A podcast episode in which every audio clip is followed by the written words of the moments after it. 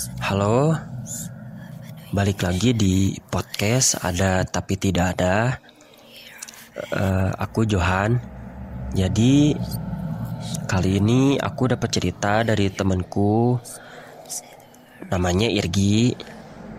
Dia ini kirim cerita ke Gmail dan pas aku cek emailnya itu ternyata dia itu kirimnya uh, bukan berupa audio gitu, tapi berupa teks. Nah, sebelum aku buat nyeritain ceritanya ini, aku udah nanya ke si Irgi, kenapa uh, ngirim ceritanya itu bukan berupa audio, tapi malah berupa teks. Dan dia pun bilang kalau dia itu sebenarnya pengen cerita, cuma karena dia itu gak pandai buat cerita ke orang lain, makanya si Irgi minta aku buat nyeritain ceritanya ini di podcast aku. Makanya uh, dia itu ngirimnya via teks. Kayak di notepad gitu, bukan audio. Ya udah uh, tanpa berlama-lama langsung aja ke ceritanya.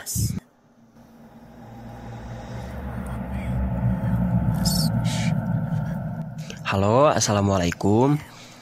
Nama gue Irgi. Gue tinggal di Cianjur, lebih tepatnya di Desa Sayangkulon. Jadi, ini adalah pengalaman horor gue sekitar 6 bulan yang lalu. Waktu itu di rumah gue posisinya gak ada siapa-siapa. Nyokap bokap gue lagi keluar kota dan gue lagi sibuk ngurusin kerjaan baru gue. Singkat cerita, waktu itu gue pulang dari rumah teman gue yang namanya Ari. Dan gue uh, pulang sekitar kurang lebih jam satu malaman gitu. Dan di situ pun cuacanya lagi dingin dinginnya gue pun pengen cepet-cepet tidur di kamar gue yang berada di tengah rumah. Jadi kamarnya itu ada di tengah rumah. Dan kalau keluar dari kamar itu udah langsung masuk ke ruang tengah gitu.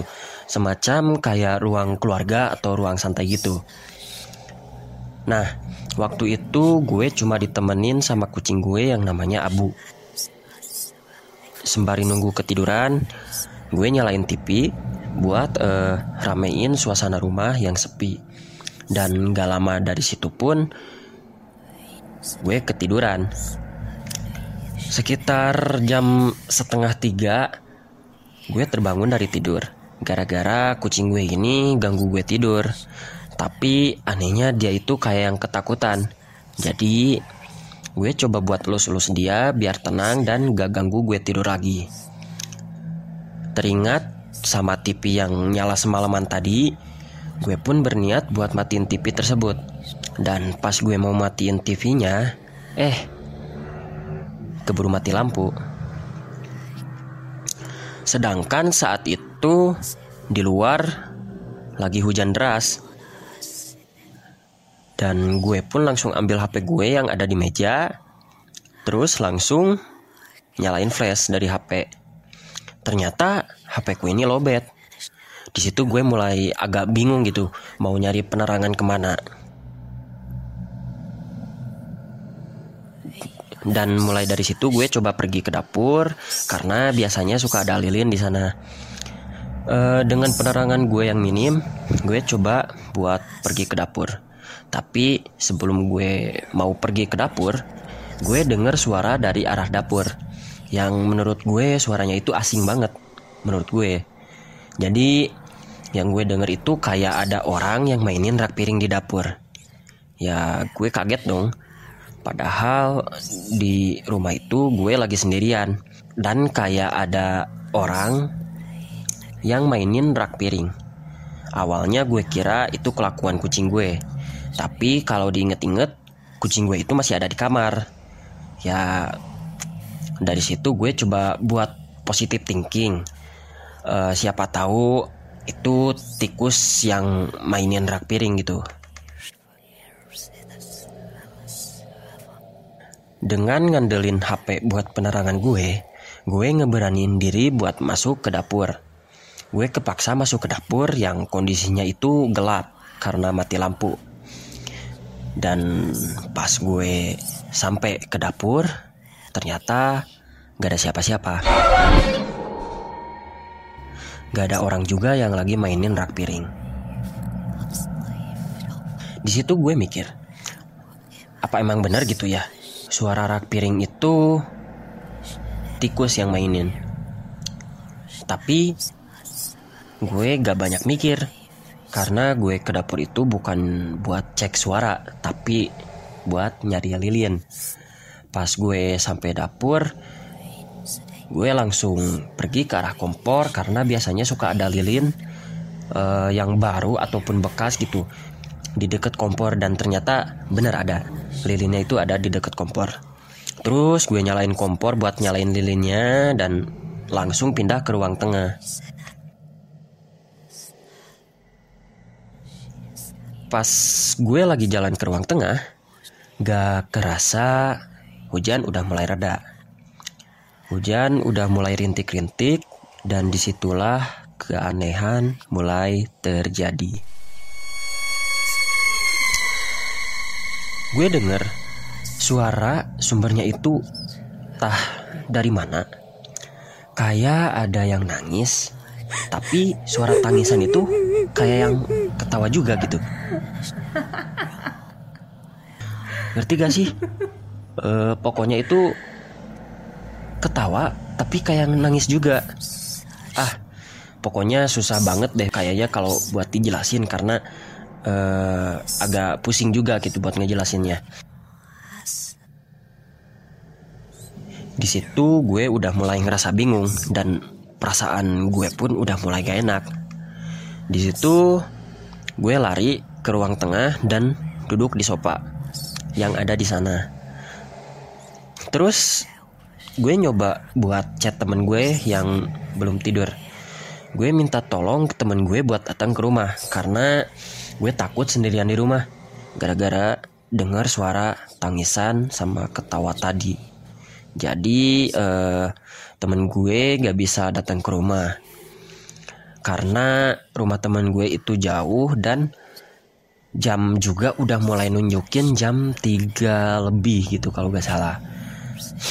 Setelah da dapat kabar dari temen gue gak lama uh, suara tangisan yang kayak ketawa tadi itu makin kenceng dan di situ gue udah mulai panik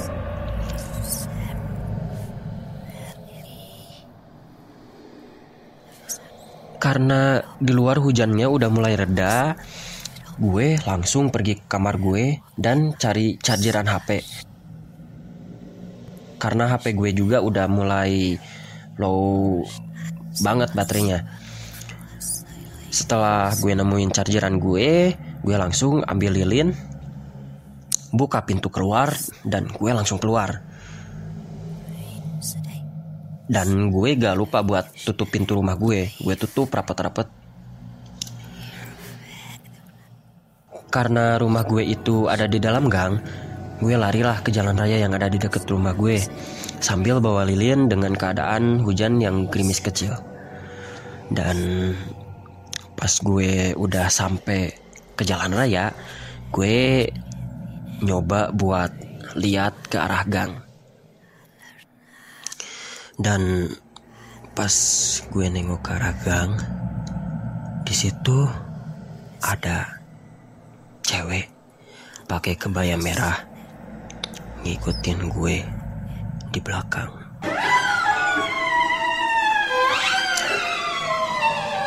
Rambutnya basah kayak habis kehujanan dan mukanya itu putih pucat banget dan dia berdiri tepat di belakang gue. Jaraknya mungkin sekitar 2 atau 3 meteran gitu.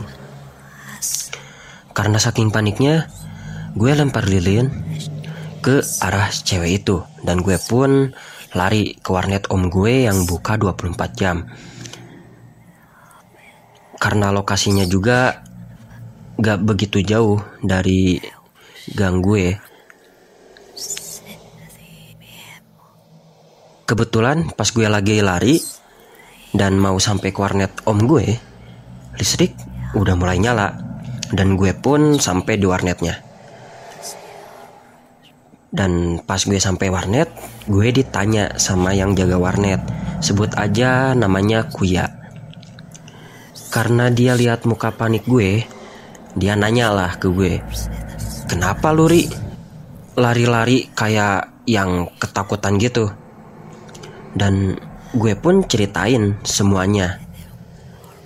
Ternyata bukan cuma gue yang pernah lihat sosok cewek berkebaya merah itu.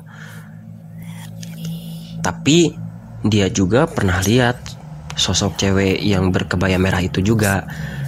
Dan gue pun minta tolong ke si Kuya buat uh, tidur di warnet buat malam itu. Karena gue gak mungkin juga buat balik lagi ke rumah pada saat itu. Ya gue juga takut cewek itu muncul lagi kalau gue balik lagi ke rumah.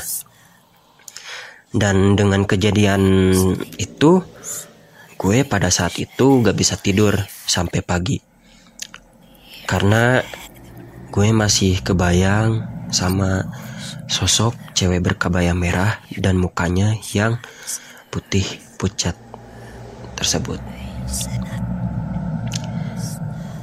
Mungkin segitu aja ceritanya. Sebenarnya masih banyak juga cerita yang pengen gue ceritain di podcast ini.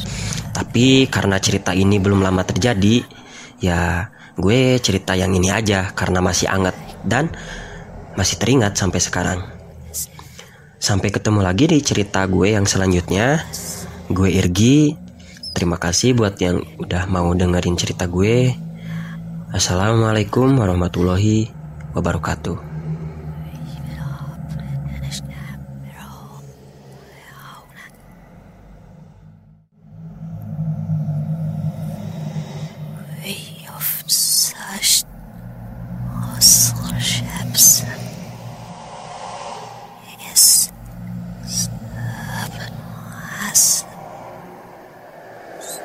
Here.